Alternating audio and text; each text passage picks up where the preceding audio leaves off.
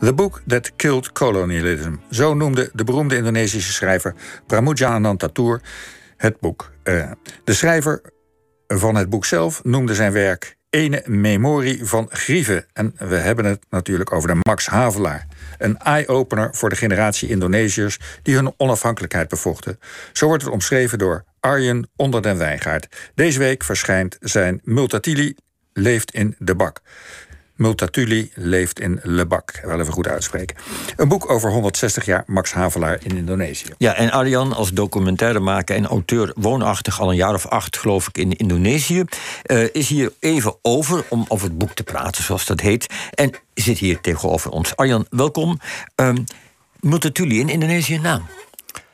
Uh, ja en nee. Nou, bij we beginnen bij het ja? Ja, bij een uh, kleine groep intellectuelen uh, ja bij een groep uh, iets oudere mensen die nog op school hebben, uh, de naam hebben gehoord tijdens de geschiedenislessen. En nee bij het overgrote gedeelte. En ja in de bak. Ja, dus nee bij het overgrote deel, maar in ieder geval zeker ook oudere generaties weten waarschijnlijk nog wel wie is. Dus, Zeker. Ja, um, jij zegt, je noemt Lebak. Laten we even heel even stilstaan bij Multatuli en Lebak. Wat, kun je even heel kort aan de mensen, die, ja, iedereen hoort dit gewoon te weten, maar wat is, wat is nou precies het punt? Wat heeft, wat heeft hij in Lebak meegemaakt waardoor hij de Max Havelaar schreef en waardoor hij toch een naam is kunnen worden bij een deel van Indonesië? Nou, hij heeft geschreven uh, over Lebak-toestanden die hij daar tegenkwam. Maar daar ging wat aan vooraf. Dus 14 jaar was hij uh, Indisch ambtenaar. Maakte in Noord-Sulawesi, in de Minahassa, maakte dingen mee. In Natal, waar hij begon als ambtenaar. op West-Sumatra maakte hij dingen mee. In Lebak kreeg het eigenlijk, kwam het tot een hoogtepunt. En dat heeft te maken voornamelijk met de onderdrukking van de, eh, de bevolking, de inheemse bevolking. Zowel door het uh, Nederlandse Indisch bestuur die uh, hoge belastingen uh, hief en dergelijke.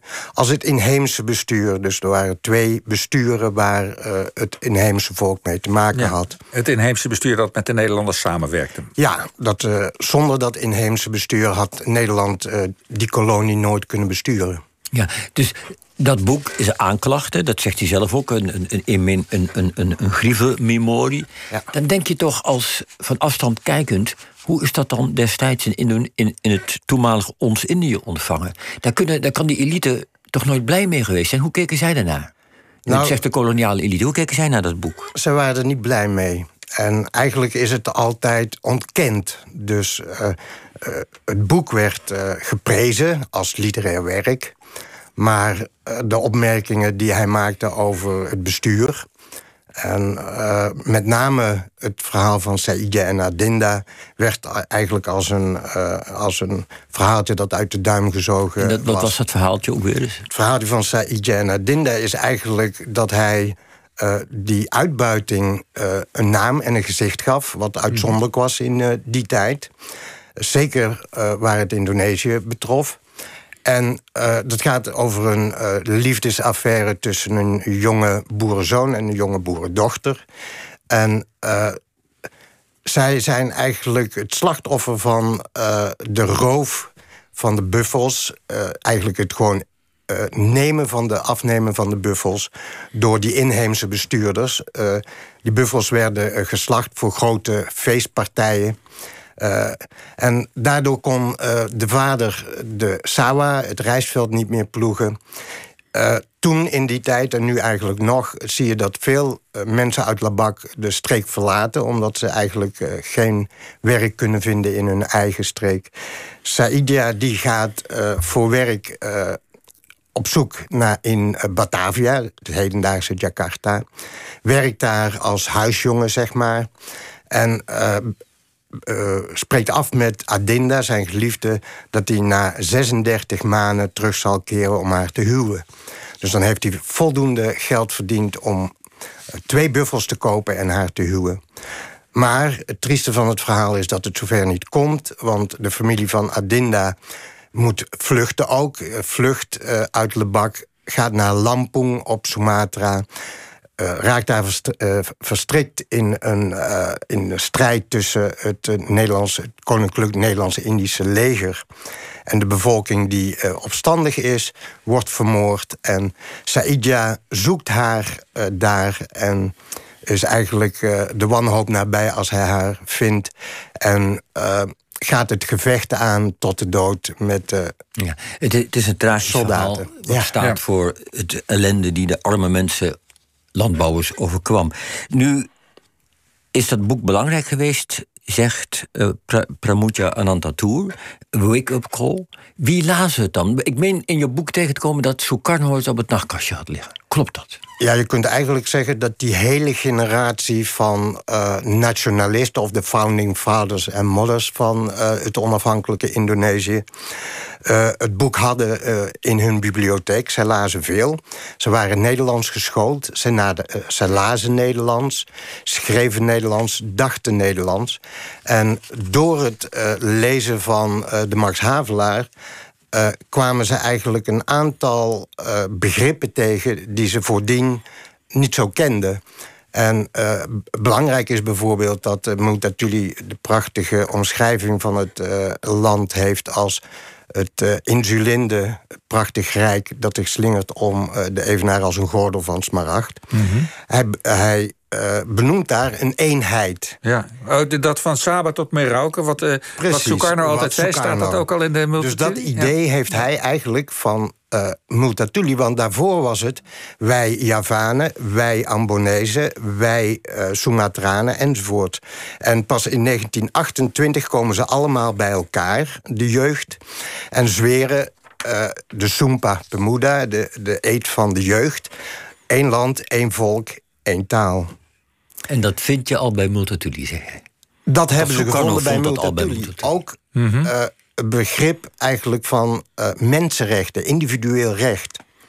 Dus dat je als uh, individu, individu recht hebt. En zij troffen in hun kolonie dat er verschil werd gemaakt tussen Europees recht en inlands recht. En uh, het waren allemaal dus die uh, jongeren, zeg maar, die geschoold werden, Nederlands geschoold werden, waren allemaal kinderen van juist die uh, aristocratie. Ja. Dus zij waren, hun ouders waren onderdeel van dat systeem. Ja, betekent het ook dat, dat uh, zeg maar die de mensen die voor de onafhankelijkheid streden... zo door geïnspireerd waren, die, die daar dus al in de jaren dertig mee bezig waren... zoals Sukarno en zo... dat uh, zodra Indonesië onafhankelijk werd... dat het ook een belangrijk boek bleef, ook de vertaling bijvoorbeeld? Ja, nou de vertaling heeft heel lang op zich laten wachten van het hele boek. Mm -hmm. Maar uh, het verhaal van Saïdja en Adinda... dat de meeste Indonesiërs aansprak... omdat dat direct over hun ging. Ja. Dat is uh, al heel vroeg vertaald. En studenten, dus die Nederlandse, of die, die Nederlandse opleiding kregen... Uh, vertaalden het al en dergelijke. En ja, in de revolutie, moet je voorstellen... werd uh, de rol van Saïdja, die eigenlijk... Bela Mati, zeggen de Indonesiërs, tot de dood vecht tegen die uh, kolonisatie. Uh, ja, dat was een aanmoediging voor de jeugd om zich tot de dood te verzetten en uh, die revolutie aan te gaan.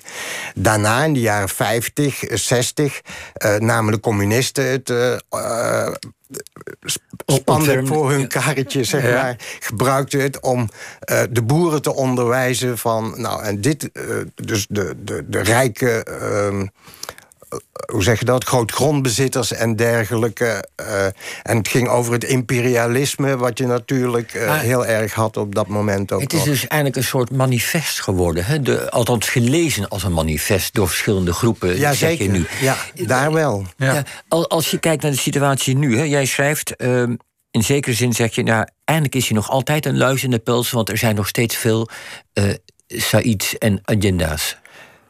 Ja, dat klopt. Maar ik wil nog veel breder stellen. Eigenlijk is Multatuli, en ik raad iedereen aan om Max Havelaar nog eens uit de boekenkast te halen of in de bibliotheek te lezen. Het is een verschrikkelijk actueel boek. omdat de verhoudingen tussen bestuurders en volk. We kijken nou, als je kijkt naar Nederland, een grote groep mensen die zich eh, niet gehoord uh, voelt. Die in opstand komen, die uh, de elite aanklagen. Dat zijn natuurlijk dingen die Multatuli ook deed het kapitalisme waar we mee eh, te maken hebben in, eh, in deze tijden. Eigenlijk is er weinig verschil tussen de hedendaagse expat die in Jakarta. Fantastisch woont in een luxe villa en dergelijke. Uh, en de arme uh, Indonesische meisjes en jongens die in een, uh, in een fabriek zitten te zweten tien uur per dag. Ja, en dus, dus je zegt, Multatuli is eigenlijk nog altijd actueel. Zeker. Ja. En in Lebak zelf is een museum naar hem genoemd, geloof ik. Is daar, wat, als je heel kort moet zeggen, als je daar naartoe gaat, wat, wat kom je nou, daar dan tegen? Het is geen uh, Multatuli Museum in de zin van dat het alleen aan Multatuli gewijd is. Het is een museum dat gewijd is aan het antikolonialisme. Uh, maar Multatuli heeft daar een erezaal uh, gekregen. Dus uh, in het museum is heel... het is een klein museum, mm -hmm. maar is heel bondig eigenlijk de geschiedenis verteld van het kolonialisme. Waarom kwamen de Europeanen daar?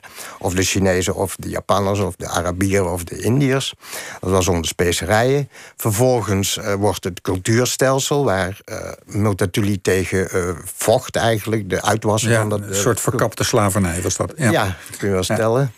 Uh, dat wordt uitgelegd en vervolgens gaan ze eigenlijk uh, langzaam naar de onafhankelijkheid en naar uh, wat daarna gebeurde. Goed. De, het is nog steeds actueel. Said en Adin. Het zou ook gelezen moeten worden in Indonesië. Dus nog, ja, maar ook in Nederland zeker. Goed. Ja. Arjen Onder de Weigert, bedankt. Je boek heet dus Multatuli leeft in Lebak en is uitgekomen